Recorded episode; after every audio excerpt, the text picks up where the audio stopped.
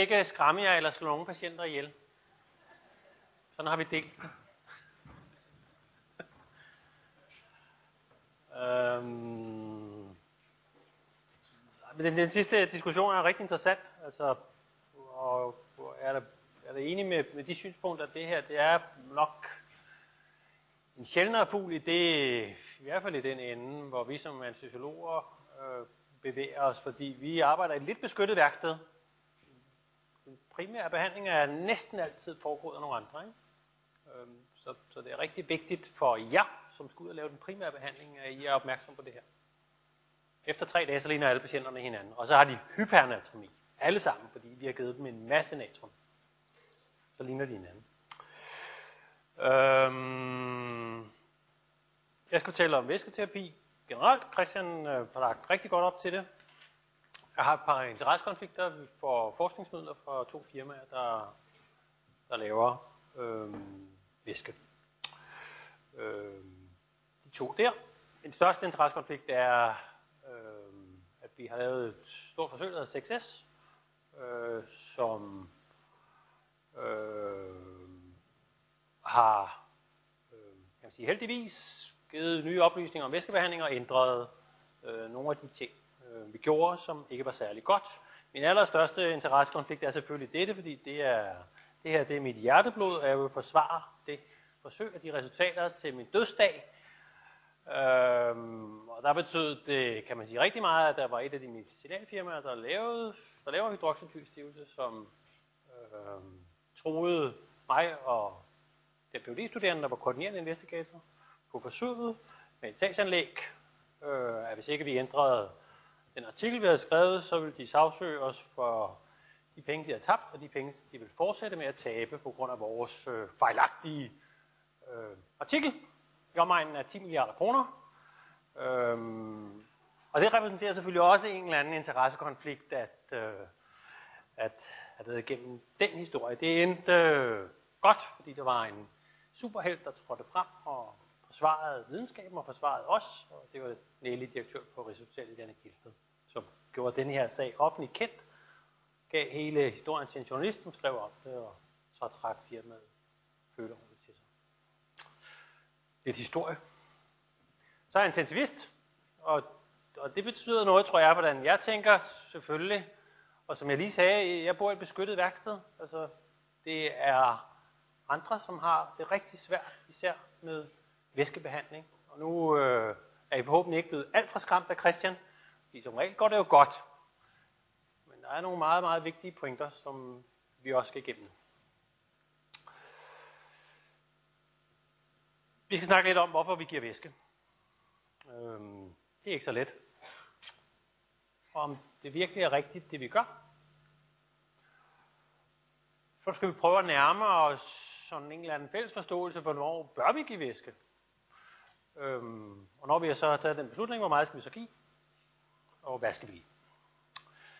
Der kommer kun to øh, billeder med fysiologi, og det her det er det første, fordi det her det er sådan idealsituationen, hvor at, og det er nok sådan, i hvert fald dem, der har gået i anestesiskolen, at øh, der i en tredje klasse har de lært det her, ikke? at vi skal give væske for at bedre venstreventrikels funktion.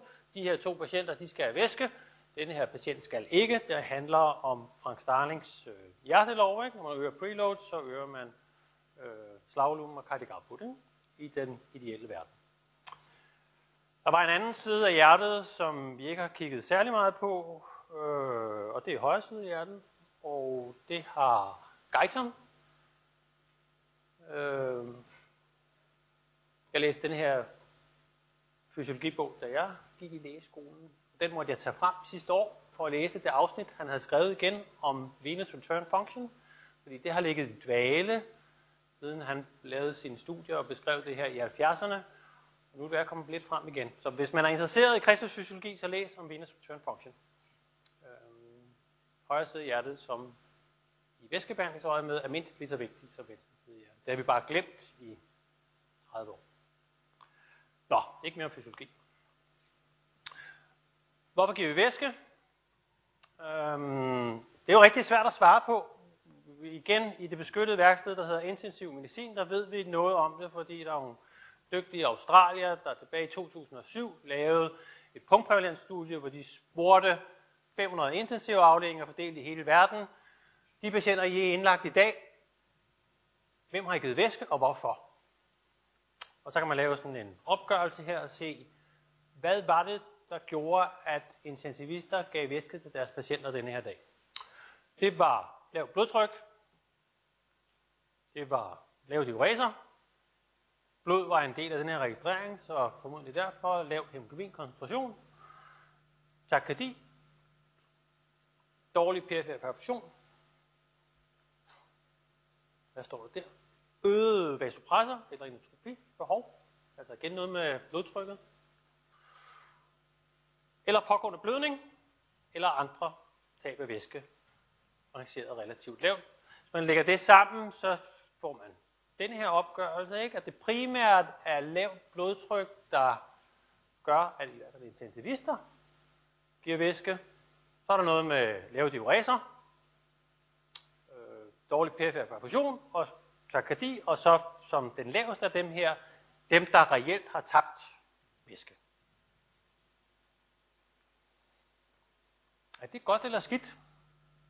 rigtig svært at svare på. Ikke? Vi har ikke set de der 2.000 patienter, som, øh, som de behandlede, men vi kan prøve at, at tage sådan en, en lidt akademisk tilgang til det og sige, er det godt at give væske til en patient, der har lavt blodtryk eller stigende vasopressorbehov?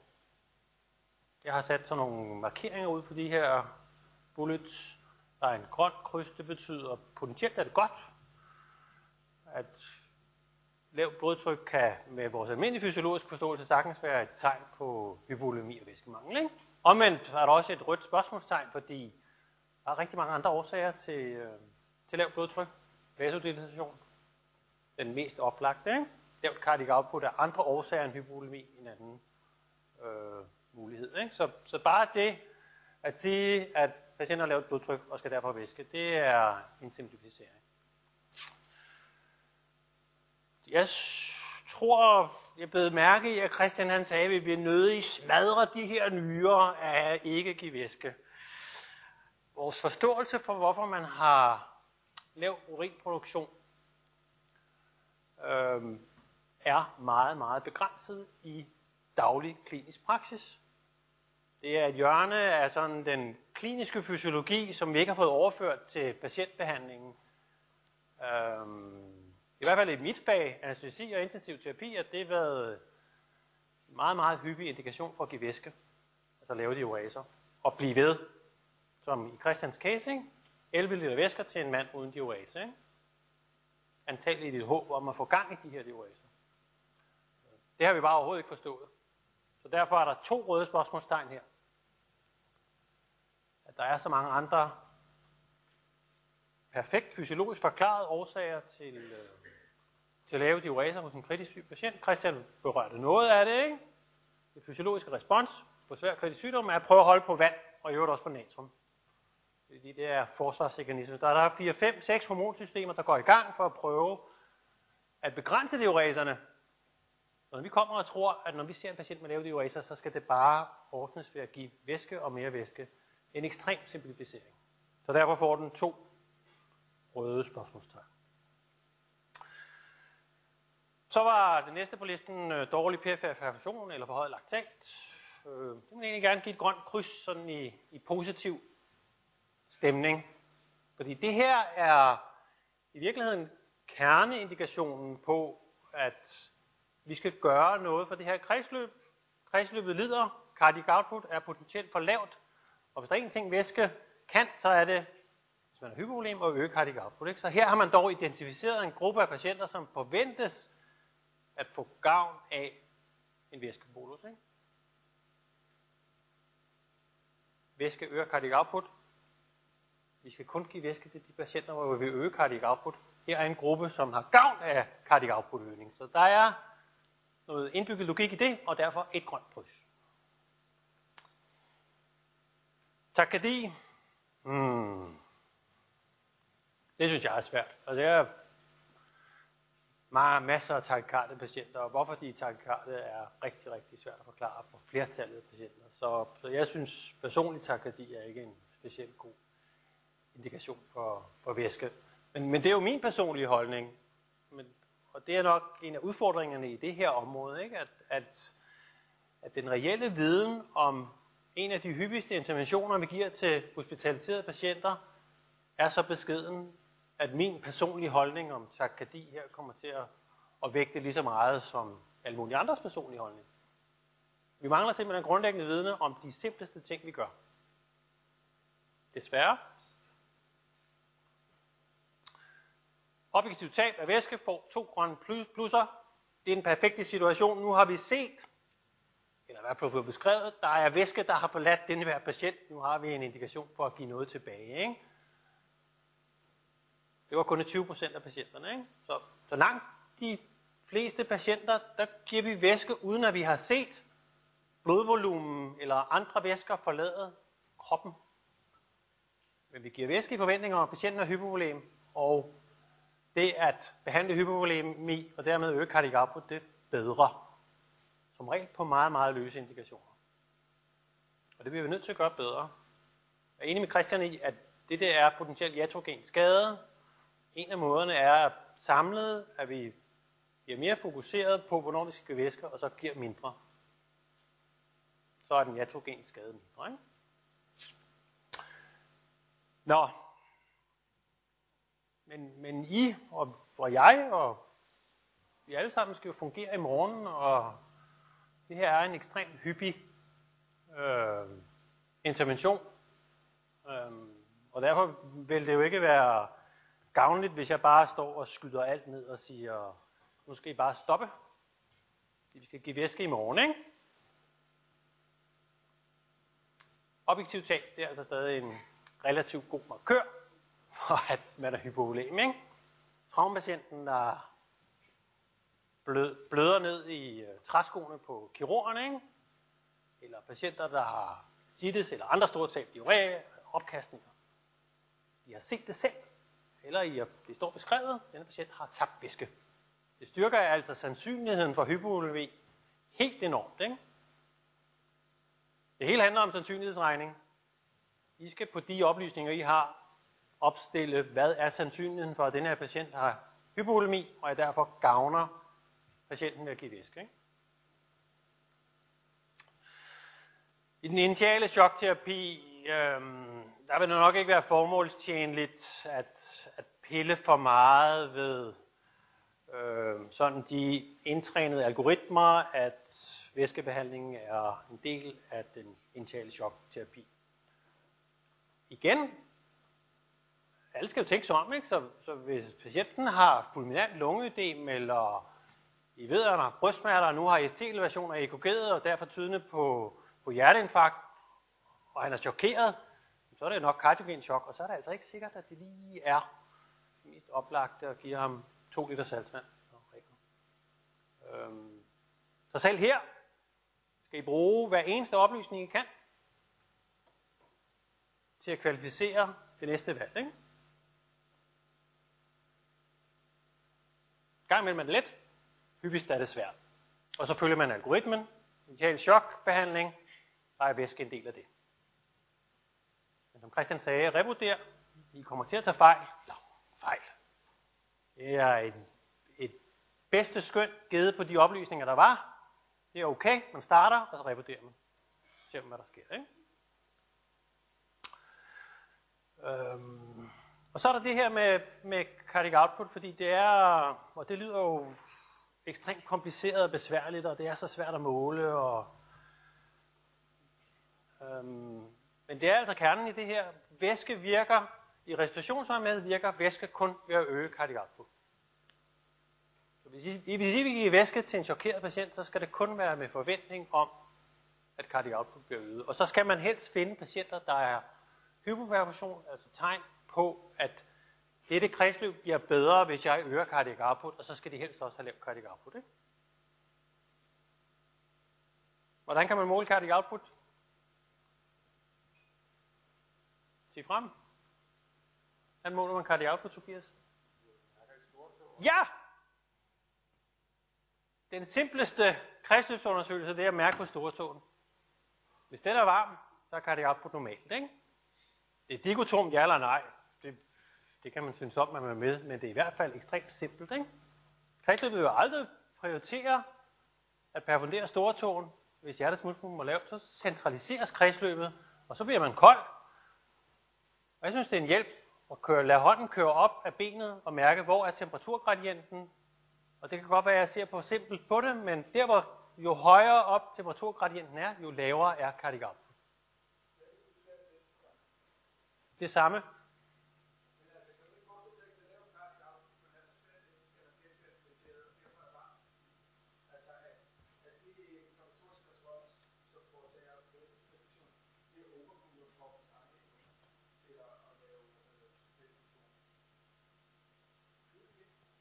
Øhm, han har stadig øh, normalt eller for høj cardiac output. Jeg siger ikke, at han ikke skal behandles. Jeg siger ikke, at han ikke har chok. Jeg siger ikke, at vi ikke skal gøre noget. Jeg vil sige, at væske er bare ikke... Min forventning til væskebehandling af sådan en patient er i den lavere ende.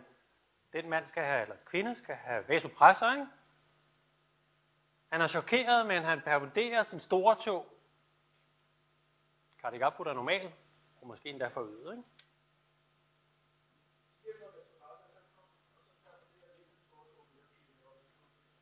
Så tænker vi os op, så revurderer vi. At, at give blind vasopressorbehandling er, er hverken mere eller mindre potentielt skadelig end at give blind væskebehandling i min optik. Det, der, det rigtige er at bruge de umiddelbare redskaber, der er, og tænke sig om, og hvis ikke man har oplysninger nok, så opeskalerer man. Og så siger man, okay, jeg er i tvivl, jeg er forvirret. Der står jo også, at manden han er opereret for claudicatio og har perifer arteriosklerose, altså så kan jeg måske bruge det hos den her patient. Så går jeg videre, så mærker jeg på hans hænder eller arme. Hvis ikke jeg kan bruge det, så snakker jeg med en ven, der kan lægge CVK eller kan lave ekokardiografi. Så kan man få oplysninger, hvis man er god til at lave ekokardiografi, så kan man bare få et ekstremt groft estimat. Pumper det her hjerte overhovedet, ja eller nej? Hvis man er meget, meget god til det, så kan man måske komme lidt tættere på, hvad er slagvolumen? Det bliver de færreste af os, der bliver gode nok til det. Men, men nu er vi ude i at få kvalificeret nogle meget grove beslutninger, og der er enhver information gavnlig. Ikke?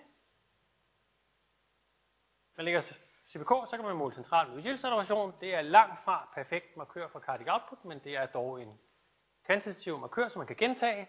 Hvis man stadig er i tvivl, så snakker man med intensivafdelingen, så kan de måle cardiac output med termodivation, eller hvad de nu bruger. Ikke?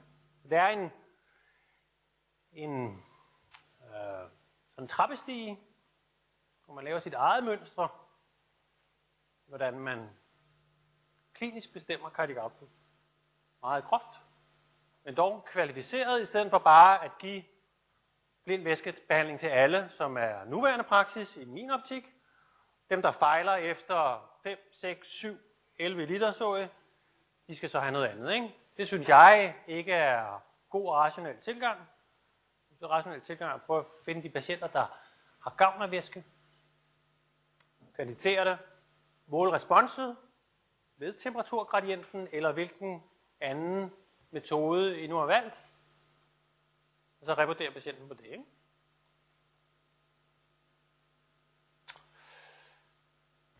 Så er der nogle patienter, som er sådan en, som Troels illustrerer, ikke?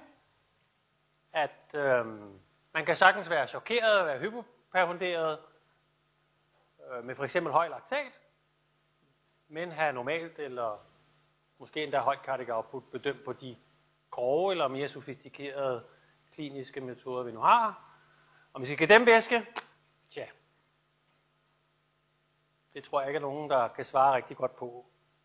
Lige nu, som er lige nu, så i vores paradigme, kommer fra en anestesiologisk baggrund, vi giver relativt meget væske i Skandinavien, så får de nok væske, de her patienter også. Om det er godt eller skidt, det tror jeg ikke er nogen, der kan svare på.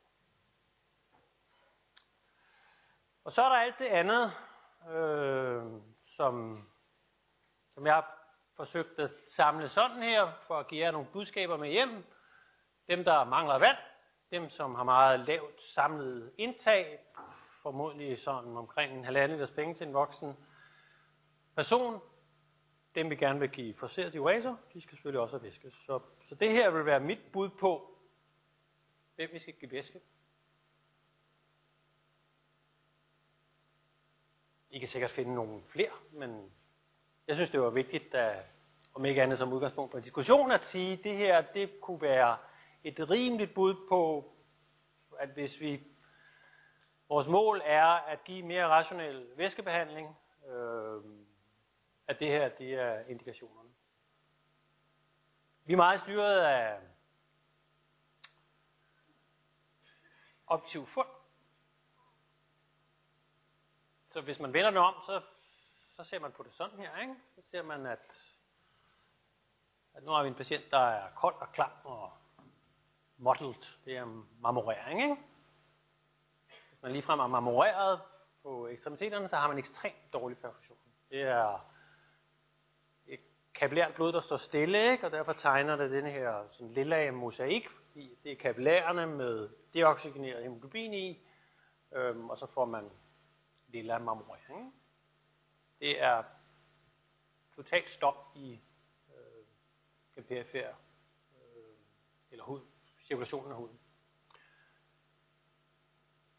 Det er nok rimeligt at give de patienter væske, fordi de har tegn på meget, meget lavt cardiac output, og medmindre man har en patient, der har åbenlyst tegn på hjertesvigt, så giver man dem væske. Ikke? Og så er der det her med det lave blodtryk. Skal vi give væske til alle, der har lavt blodtryk? Det er jeg ikke sikker på. Når vi diskuterede før, der er masser af, af tilstanden med, med lavt blodtryk af andre årsager. Vasodilatation er meget hyppig. Det kan være på grund af sepsis, eller det kan være på grund af stoffer virkede. Vasodilatorer, antihypertensive, sedative, anestetika. Øhm, det er ikke logisk at give væske til vasodilaterede patienter. De skal have vasokonstriktor. Lave diureser, meget, meget hyppigt, som vi så indikation for bare en reflekshandling. Selv Christian vil give det, fordi man smadrer nyrerne, hvis ikke man... Det er så komplekst, og det her det er også fysiologi. Som jeg sagde, der er hos en akut syge patient, der er 5-6 hormonsystemer, der går i gang for at prøve at, at begrænse vandtabet, fordi vi skal forsvare vores centrale blodvolumen, når vi bliver kritisk syge. Hvis vi bare bevidstløst giver de her patienter vand, det er formodentlig ikke formålstjenligt, ja?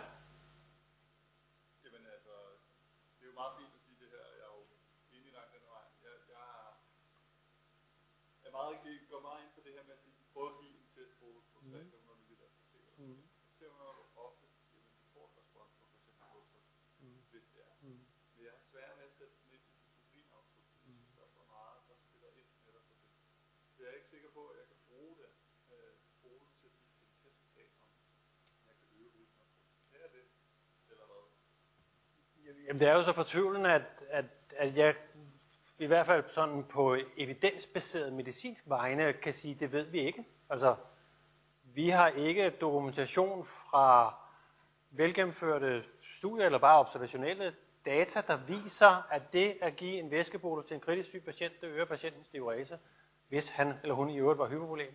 De data har vi simpelthen ikke, men det er en af de hyppigste klinisk praksis overhovedet at gøre det her. Ja, altså jeg vil tro, de fleste gør som dig, forhåbentlig. Øhm, der er masser, som ikke gør som dig, og bare giver det, uden at gå tilbage og se, kom der så noget i potten af det, jeg gjorde. Øhm,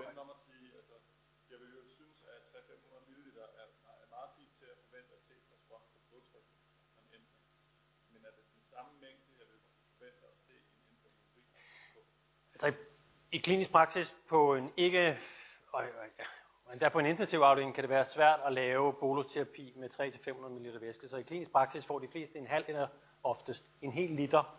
Og så beder man den om at blive sat op, og så kommer man tilbage en time efter, at den ikke er løbet ind endnu. Så kommer man væk igen, kommer tilbage tre timer efter, så er den løbet ind.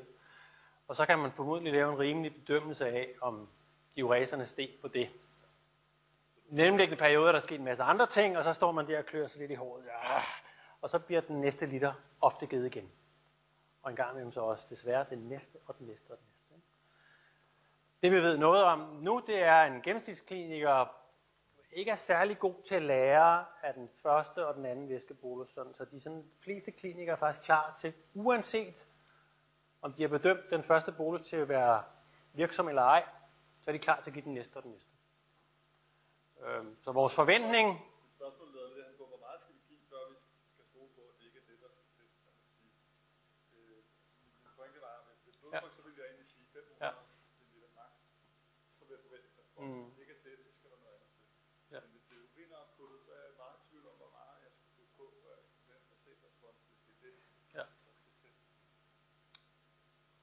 Og den, den, øh, den, tvivl, den tvivl har langt de fleste klinikere med dig. I hvert fald så giver de, giver de 1, 2, 3, 4 liter. Ikke? Jeg vil sige 1 til 2 liter vil være rimeligt. 3 måske. Udfordringen er, at hvis du til en patient med nyresvægt og anuri måske bliver ved, så er det associeret til øget dødelighed. Ikke? Især hos, hos de patienter, der har nyresvægt. Så vi tror, at vi med, med at give væske kan, kan bedre det renale outcome, men interventionen i sig selv er formodentlig skadelig, ikke? når du når op over en eller anden vis tærskelværdi, som vi ikke kender. Så vi er på herrens mark, så det er skidesvært det her. Så derfor tænk sådan rimelig fysiologisk, identificere de patienter, der har hypoperfusion, forventet lavt cardiac output, hvordan I nu bedømmer det. Giv dem 1, 2, 3 liter væske, se hvad der sker. Gå tilbage. Er det responderet positivt, så er det fint. Hvis ikke, så tænker jeg rigtig, rigtig godt om. Tal med en ven. Vil mit bud være.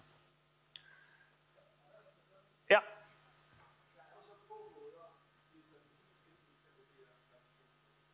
Ja.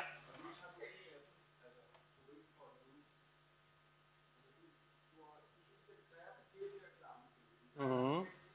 Mhm. Ja. Ja.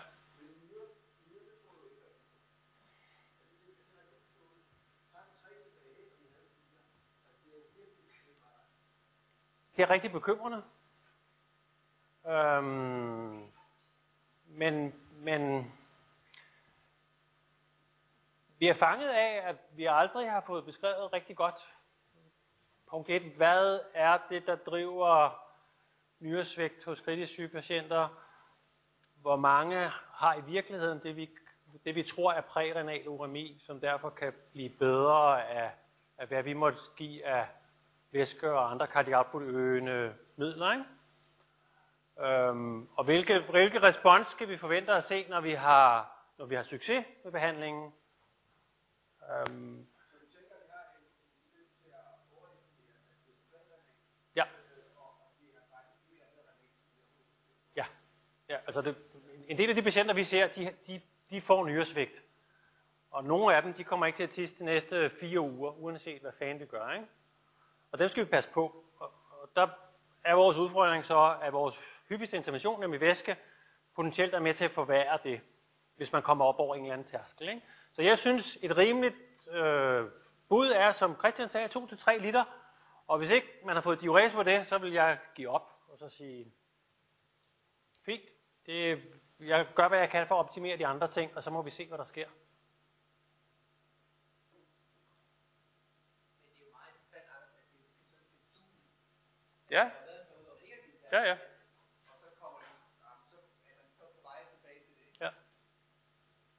Noget af det er vores skyld. Haha, nu skal vi tale om skyld. Jeg, jeg lovede, at det kun var Christian, der skulle fortælle om skyld. Ikke? Det er vores skyld som anestesiologer. Vi trænede i operations, øh, på operationsgangen med at give væske, og det har vi trukket direkte ud til akutmodtagelser og til intensivafdelingen. Og mente, at det var, det var det samme derude. Ikke? Og så har vi oplært resten af hospitalet, kommet, ringer til anestesien, så kommer de og redder patienten, redder dagen, ikke? med at sætte to liter volumen op. Ikke? Hurra! Og det har spredt sig, så det var det, man gjorde. Ikke? Det var forkert. Øhm, takardi, som sagt, ekstremt komplekst mål at bruge som potentiel øh, indikator for hypovolemi. Kan jeg vide, om det er rigtigt, det her? Ja, haha. Hvad skal vi give? Nu har vi forhåbentlig på en eller anden måde fået identificeret en patient. Vi synes, at det er rimeligt at give den her patient en liter væske. Øhm, hvad skal vi give? Det er det her, vi gør lige nu. Det er væskeindkøb nemlig på Region Hovedstadens hospitaler frem til 4. kvartal 2013. Og I kan se, der er nogle ret dramatiske ændringer. Øhm, vi køber i hvert fald og bruger formodentlig der også mere og mere ring og acetat og ring og og den røde her er hydroxyetylstivelse. Det bruger vi mindre og mindre af, og så bruger vi måske lidt mere øh, albumin. Øh, valg af væske er, heldigvis blevet meget simplere. Vi har en skandinavisk øh, anestesi- og intensiv øh, selskab lige skrevet guidelines for, på det her, og konklusionen er meget kort, at vi rekommenderer krystalyd. I behøver ikke tænke mere over det. Kolloiderne er ude af chokbehandling. Ikke?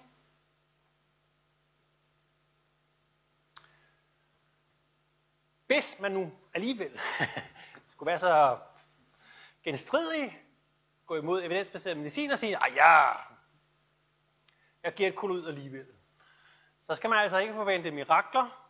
Det her er øh, fire blændede forsøg af kolloider mod krystalloider, og de er, de er interessante, fordi de er blændede, det vil sige, at klinikerne vidste ikke, hvad der blev givet, og så kan man gå tilbage bagefter og se på forskelle imellem øh, volumen på de to grupper, og dermed lave et estimat for, hvad er potensforskellen mellem kolloider og krystalloider i klinisk praksis. Da jeg gik i skole, der fik vi at vide, at det var 300 procent, altså det gik tre gange så meget krystalloid som et kolloid. Her har I tallene, ikke? Det varierer fra ingen forskel til en 40% øh, forskel med 4 procent albumin sammenlignet med saltvand i det forsøg, der hedder The Safe. Intensiv indlæggelse. Intensiv indlæggelse. Eller det er praksis. Ja. Ja. Ja, det kan være begge dele. Det kan sagtens være, at, at, det, at, at det fysiologiske rationale af kolloider bliver i blodbanen, at det stadig eksisterer, øh, men at vi er så dårlige til at administrere det i, i daglig klinisk praksis, at det drukner i tilfældige variationer, og klinikere, der kommer ind og bare tilfældigt højre og venstre giver øh, kolloider og krystalloider. Ja? Den her intelligente som du snakker om med, med 3 til 1, Ja. som jeg også har hørt om. Var det ikke møntet på en indledende resuscitering? Eller har det været på... Der er jo en væsentlig forskel mellem indledende resuscitering i 6-8 timer, og så et helt indlæggelsesforløb. Det siger du, der er. Øhm, det ved jeg heller ikke. Det ved jeg ikke. Det, I det her, man kan sige, altså vi har jo, 6S, det er det, vi har lavet. Der har vi, vi har kigget på, ikke time til time, men fra dag til dag. Ikke? Og, og der er ikke forskel fra dag 1. Altså, øhm, de her volumen er så kørt ud til, helt ud til, til sidste indlæggelsesdag på intensiv. Ikke? Men, men allerede på dag 1, og det er også tilfældet faktisk i det store forsøg, safe op, Hernede, der delte de det op til, ikke tidsdefineret, men til tid til kredsløbsstabilisering. Og der brugte de, blev der brugt lidt mindre kolloid til tid til kredsløbsstabilisering.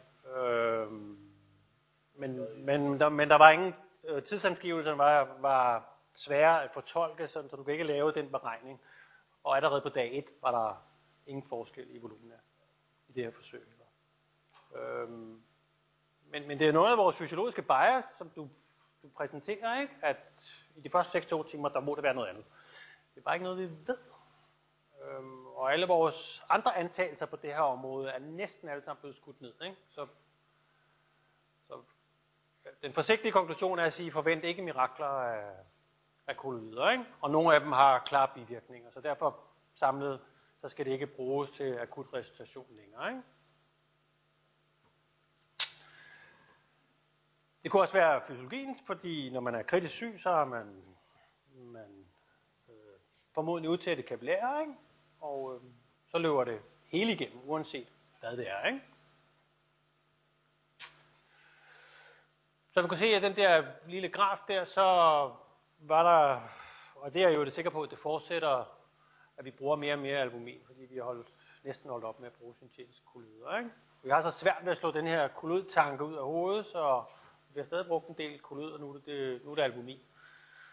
Øhm, er det en god idé?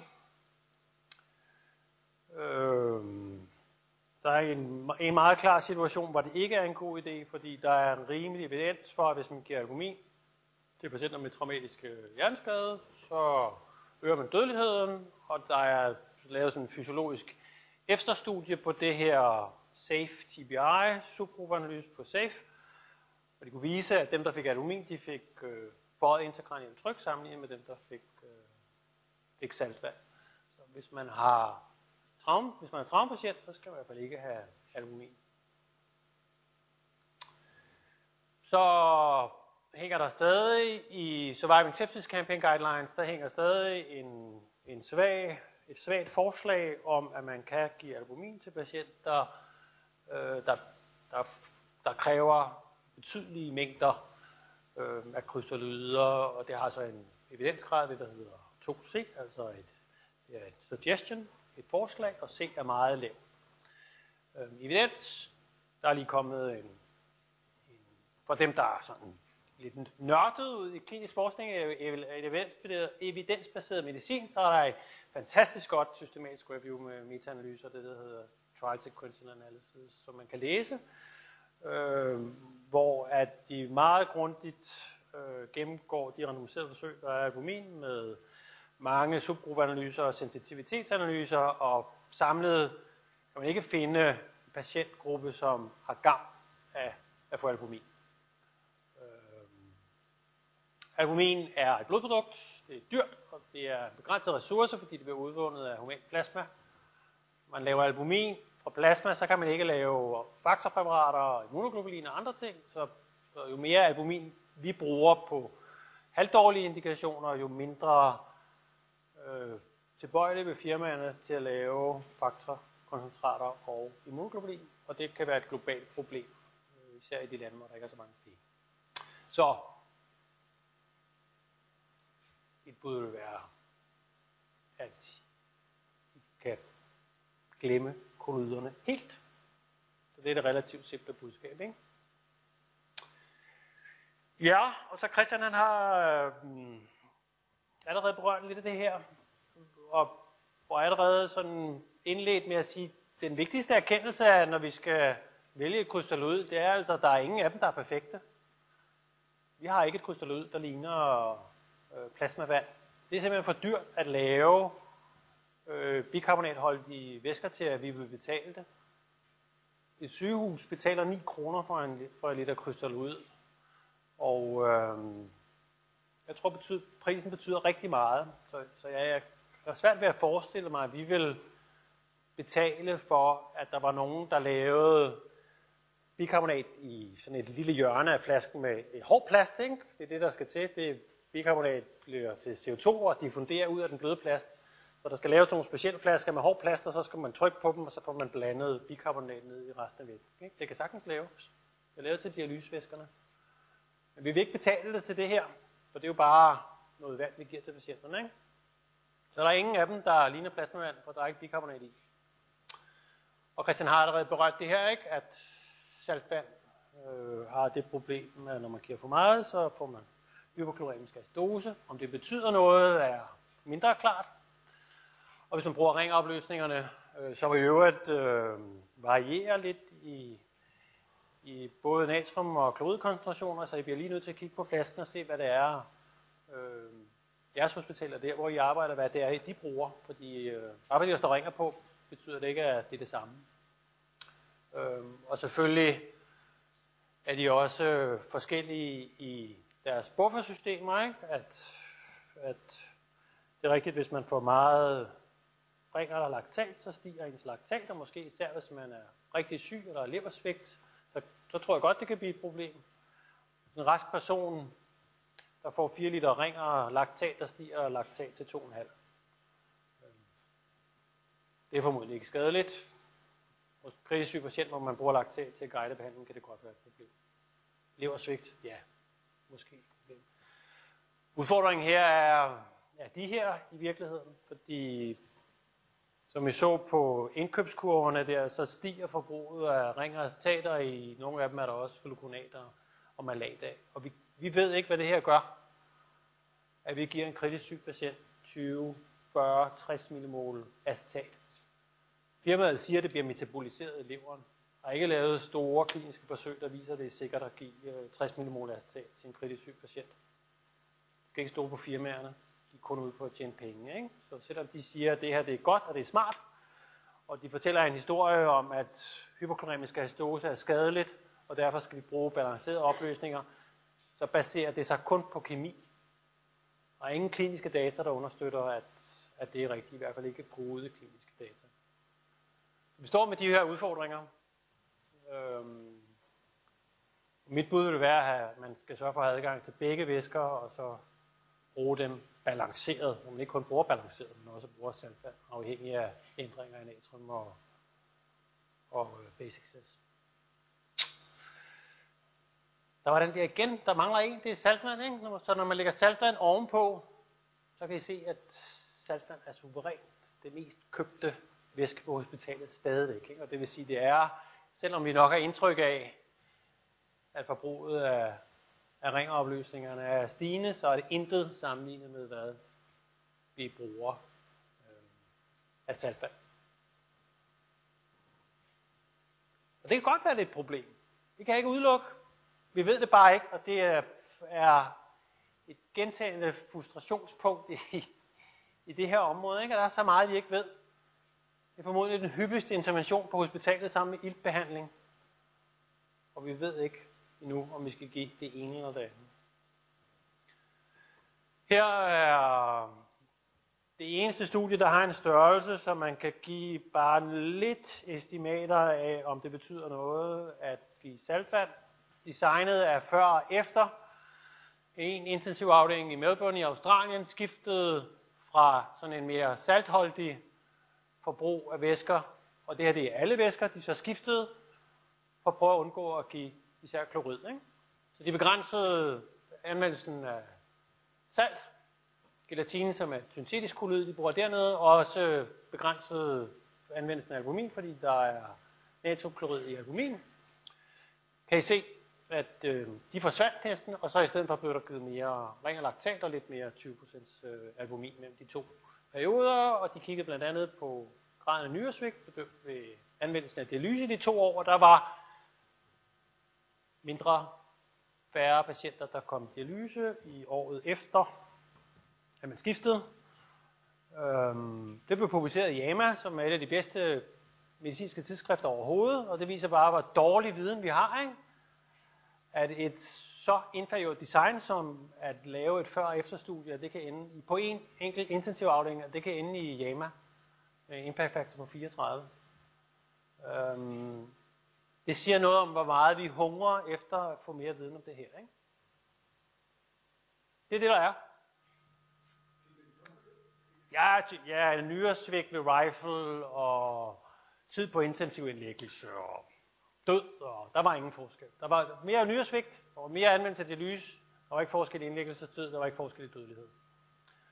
Jeg lavede et opfølgningsstudie, hvor de så kiggede året efter igen, og så begyndte øh, signalet at blive mindre tydeligt. Øh, så vi mangler virkelig et store randomiserede forsøg, der randomiserer kritisk syge patienter, hvilke som helst patienter i virkeligheden, men især kritisk syge patienter, øh, der har høj dødelighed og høj forekomst af nyresvigt til saltvand eller ring. I lige øjeblikket, der tror vi, at det er godt at undgå hypokloremisk acidose, og så giver vi ringer acetat eller ringer laktat, fordi vi tror, det er bedre. Det er altså bare ikke godt nok længere. Vi har lært, at væskebehandling er vigtigt, og det betyder noget, hvilke typer det er. Og det gør det potentielt også her. Så der skal vi have noget mere viden. Øhm, hvor meget væske skal vi give? Det er rigtig svært, men, men vi var, har været enormt farvet af det her øh, meget, meget berømte forsøg. Angiveligt er det et af de mest citerede randomiserede forsøg overhovedet. Over 6.500 sidste gang jeg kiggede citationer til det her forsøg, der det, der bliver kaldt Rivers, eller Early Goal Directed Therapy forsøget, eller IGDT, øhm, som var restauration af sepsis ud fra sådan en relativt kompleks protokol, som resulterede i, at der blev givet mere væske tidligt, i øvrigt også lidt mere entropika og blod, og, og det havde en helt markant virkning på dødeligheden i det her forsøg. 45% relativ risikoreduktion i død med den her. Helt enormt. Det vi glemte, det var lige at læse det her. Ikke? Det er 240 patienter på en skadestue i Detroit. Så den, sådan, det man kalder ekstern validitet af forsøget, altså hvor overførbar er disse resultater til en skadestue i Danmark eller en intensivafdeling i Danmark. Det var der ikke så mange, der tænkte på i begejstring over, at her var endelig noget, man kunne gøre, som var helt fantastisk. Ikke? 45% relativ risikoreduktion. Det svarer til respiratorbehandling under poliepidemien i, i København. Ikke? Der er nu lavet tre meget store forsøg, der har endelig over 10 år efter det oprindelige forsøg testet, om det her nu også var øh, plausibel effektstørrelse i multicenterforsøg. Forsøg. Her er de tre forsøg lavet i USA, Australien, New Zealand og i England. Jeg viser bare lige kort resultaterne for et af dem, og det var faktisk et trearmet forsøg, det, det der hedder Process, hvor man brugte den oprindelige protokol til at styre øh, kredsløbsbehandling, og så havde man en mere simpel protokol, hvor man brugte det, der hedder Shock Index, og en klinisk vurdering af patienten var væskemangel eller overdrevet, eller ingen protokol. Her er resultaterne for væskebehandling, hvis man i ingen protokolgruppe, altså usual care, fik man mindst væske, de to protokollerede grupper fik mere væske, de to protokollerede grupper fik mere vasopresser, mere blod og mere dopamin, altså inotropika. Og dødeligheden var fuldstændig den samme, og det er det for alle tre forsøg, så nu er der randomiseret mange tusind patienter, 10 år efter det oprindelige 240 patienters encenter forsøg, for at vise, at desværre Og det udfordrer os altså noget, synes jeg, at, at de, de ting, vi ligesom synes, vi havde lært af de der 240 patienter i Detroit, nemlig at mere væske og mere vasopresser, mere entropika, mere blod, alle de ting, vi gør. Anestesiologer og intensivister, der kommer og redder dagen med de her ting, at det hjælper ikke. I det her setup i hvert fald. Det bør få os til at tænke os lidt om. Og her er vores opfattelse af mere væske øh, tror jeg, centralt. At vi skal tænke os rigtig godt om. Det er ikke noget at putte i stedet for. Usual care i de her tre grupper var nok relativt god. i de fik nok væskebehandling vejledt af de simple ting, nemlig netop temperatur på hænder og fødder, kapillær, fyldning, måling af laktat, måling af diureser, simple ting cirka 4-5 liters væske i de første 8 timer til patienter med svær septisk chok. Det er nok en rimelig behandling lige nu. Øhm, men det er oplagt, at vi bliver nødt til at komme videre herfra. Og hvorfor skal vi overhovedet interessere os for, for øhm, hvor meget væske vi giver? Øh, vi ved igen fra intensivafdelinger under meget kontrolleret forhold, at, at de væskebolige, vi giver på intensiv, der er der kun halvdelen af dem, der øger cardiac output. Og den halvdel har selvfølgelig en potentiel gavn for patienten. Vi ved ikke, om det gavner, men det fysiologiske rationale er til stede for, at den, denne halvdel af patienterne, de får gavn af den her væskebolus. Den anden halvdel, der hjælper det ikke, der er kun bivirkninger og skade tilbage. Ikke? Så selv på intensivafdelingen, halvdelen af de gange, vi giver væske, har patienten ingen gavn, og når der ikke er gavn, så er der kun bivirkninger og potentielt skade tilbage. Ikke? Positiv væskebalance, det vil sige, når man ser på det bagefter, det er associeret med dødelighed. Dem, der dør, de har højere positiv væskebalance end dem, der overlever. Om det er en markør for, at hvis man er rigtig syg, så får man meget væske, og det er rigtig syge, der dør, eller om det er væske, der gør det. Det ved vi ikke. Og det er et problem for en af de hyppigste interventioner i sundhedsvæsenet. Ikke? Og så er der det her med hypernatremi, som er noget, vi gør og nu har Christian talt dunder mod hyponatremi, men efter anden, tredje, fjerde dags indlæggelse hos gennemsnitspatienten, der er hyponatremi altså et betydeligt problem. Patienterne kæmper for at holde på det her natrium. De er kritisk syge. De skal forsvare deres centrale blodvolumen. De der 5-6 hormonelle, hormonelle systemer er i gang for at holde på natrium. De udskiller det ikke. Men vi giver det. Vi er ikke dehydreret. De er overhydrerede, og de er hypernatrium. De udskiller ikke deres natrium. De udskiller måske så lidt som 50 millimol natrium i døgnet. Og vi giver 150 per liter salt, ikke? så det vil sige, det er let 300, 450, 600 millimol natrium i døgnet. Ikke? Til en patient, der udskiller 50. Det forsvinder ikke af sig selv. Og så kan vi stå og prøve at drive det af dem med Furex. Det kommer ikke til at ske. Furex øger ikke udskillelsen af natrium, så det her det hænger vi med i dagene efter, ugerne efter. Ikke? Og det er noget, vi har givet. Og det kan være okay, hvis det var indiceret at give det. Men hvis det er givet på løs indikation, og det er ikke indiceret, så er det et dobbelt problem. Ikke? Og igen, det er associeret til øget dødelighed. I kender igen ikke øh, hønnen eller ægget her. Men bekymrende, fordi det er en ekstrem hyperintervention, som vi giver på relativt løs indikation, som bliver et problem for de sygeste af de syge. Daglig rekommenderet saltindtagelse i Danmark er 100 millimol. Vi skal indtage 100 millimol salt om dagen max. Ikke? Vi er klar til at give 600 til en, der ikke udskiller det. 800. 1000. Det gør vi uden at blinke. Det kan være okay, men det skal være indiceret. Ikke? Så er vi tilbage til, find de patienter, der har sandsynlig gavn af at få den her væskebehandling. Øh, vi ved fra, det er ikke verdens bedste forsøg, men et, et forsøg af en rimelig størrelse, 1000 patienter, at hvis man laver væskerestriktioner og, og giver diuretika med det mål at, at få patienten i negativ væskebalance, så afkorter det tiden i respirator. Så, så i, i denne ende, det resuscitationsfasen, så er det formodentlig godt at få det der vand af patienterne, det ville dog være lidt log- mere logisk, hvis vi måske var lidt mere forsigtige med, hvem vi gav det til inden. Ikke? Alt andet lige, jævnfører diskussionen med natrium, lettere at lade være med at give det, hvis ikke det er nødvendigt, end at prøve at bagefter at tage det af med Furex, for det bliver svært, især med natrium. Og så ved vi fra 6S-forsøget, øh, at der er en enorm variation i, hvor meget væske der bliver givet, og det her det er igen på intensivafdelingen, og det er der, vi har flest data. Så den absolut mest betydende faktor for, hvor meget væske en patient fik, var ikke, hvor syg den patient var. Det var, hvor han eller hun blev indlagt. Det var suverænt den stærkeste markør for, hvor meget den væske den patient fik. Indikerende betydelig variation mellem afdelinger, og det er et tegn på manglende evidens. Ikke?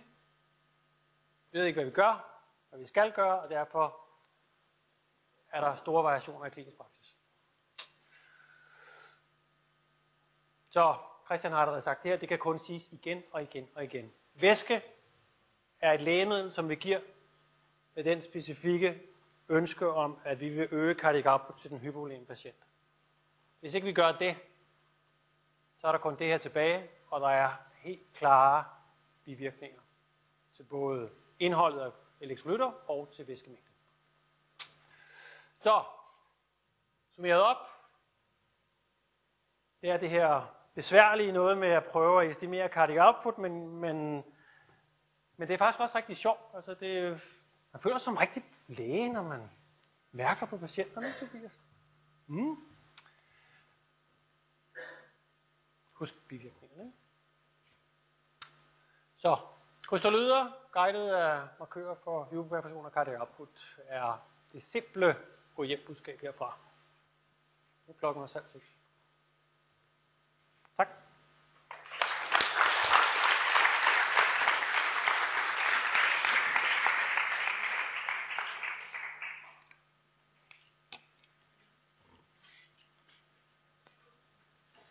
Jeg ved ikke om... Ja, spørgsmål?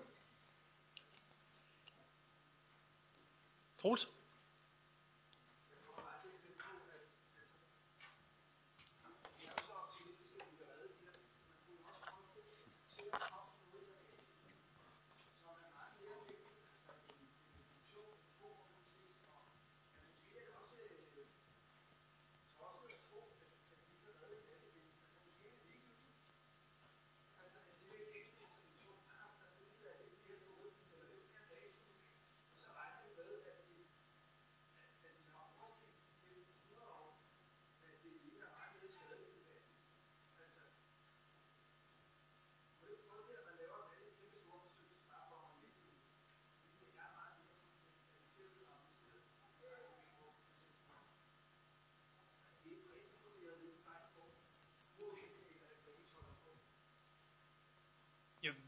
Det er da meget valide øh, pointer, og, og, og det er absolut muligt, du har ret, at det slet ikke betyder noget. Um, vi har en håndfuld eksempler på noget, vi har gjort som standardbehandlinger, som med relativt stor sandsynlighed har skadet patienterne. Hydroxytyl stivelse er en af dem. Um, og, og ja, altså, jeg synes, at først skal vi ikke skade patienterne.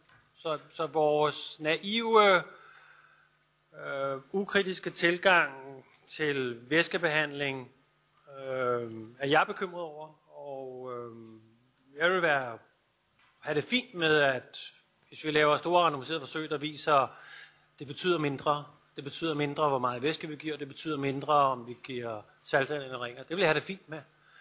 Øhm, men så længe vi ikke har den viden, og det kan være noget af det er, er så komplekst, at, at, at den viden når vi aldrig, men, men jeg synes, at, at, at øhm,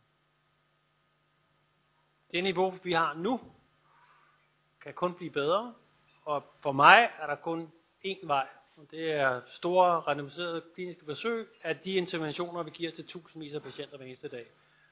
Og så kan det kun godt være, at der kun er, er en ud af 10, der potentielt øh, er gavnligt eller skadeligt, og det vil jeg have det fint med. Men lige nu er vi, om ikke nede i en bølgedal, så, så er der altså ikke meget af det, vi gør, som vi gør på et rigtig godt evidensbaseret grundlag. Der er for meget af det, der stadig er fysiologi, og noget, jeg synes i hvert fald, vi kan lære, er, at vi har nok ukritisk prioriteret kristusfysiologien over alt andet. Og så glemt netop nogle af de der nefrologisk fysiologi og farmakokinetik og farmakodynamik i vores higen efter bedre kredsløbet. Koste valgte vinde. Øh,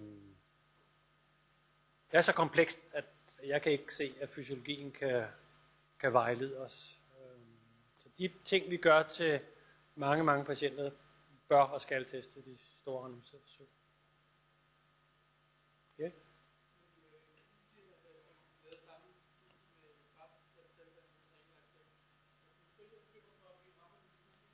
Det er mere, altså mere netop, når man som læge, altså jeg er egentlig, jeg er ikke, altså, egentlig det der med, med, med ringer og laktat og med, det kan sagtens være, det er fuldstændig ligegyldigt. Det er det ikke, der er jo nogle patienter, hvor det ikke er ligegyldigt. Og det er klart, det skal man selvfølgelig vide. Og man, og man har en type med 30, det skal man selvfølgelig bruge, og man skal bruge det fornuftigt. Altså det, en mand på 89 kan ikke give 11 liter væske på et døgn. Det er jo helt selvligegyldigt. Jeg mener ikke, der mangler noget fokus på det, og netop også det med, der er ikke nogen konsekvens af, hvad man gør. Du kan sagtens give sådan en mand, der slår ihjel med 11 liter væske. Der er ikke nogen, der er rør eller noget som helst ved det. Så jeg mener egentlig, det er andet fokus, og det betyder noget med ringeraktat og, og, og isotonisk næsblod i det store hele inden for forlæg. Det tror jeg ikke, vi nogensinde har gjort. Det er slet ikke Ja, det er oplagt, når, når vi når der får nogen, der designer de der forsøg, ikke? og så skal man jo kigge på, på de særligt vulnerable grupper, og, og det vil, vil øh, myndighederne også sikre, ikke? At, at vi ikke bare en blok randomiserer patienterne med 119 i natrium til, øh, til saltvand eller ringer. Ikke? Så, så selvfølgelig, vi skal jo ikke smide alt ud med badevandet, vel? Men, men lige nu er der stadig for meget hoved under armen at behandle alle på samme måde øh, med væske. Og så tænker jeg heller ikke, at som læge, der er jo, altså nu ved jeg rigtig meget om læge, som læge, rigtig meget. Der er jo også meget i det, det vil sige, altså hyponatri i kvindesagen, så dør folk mere, men det er høn og æg, som en permatri. Men, men, men, men derfor, der er så mange områder, vi ikke ved særlig meget om, men derfor skal man jo stadigvæk gøre sig bedst. Altså, og så kan man sige, jamen, vi får ikke til alting, når man er læge, et reduceret studie, der kan forklare det og det. Men det er klart, at man skal have et eller andet, sige, vi prøver at gøre det så godt som muligt, i stedet for at sige, vi ved ikke særlig meget om det her, så er det bare fuldstændig uret. Det mener jeg er forkert, forkert approach. Især fordi potentiale for at skade patienterne er helt reelt. Ikke? Ja.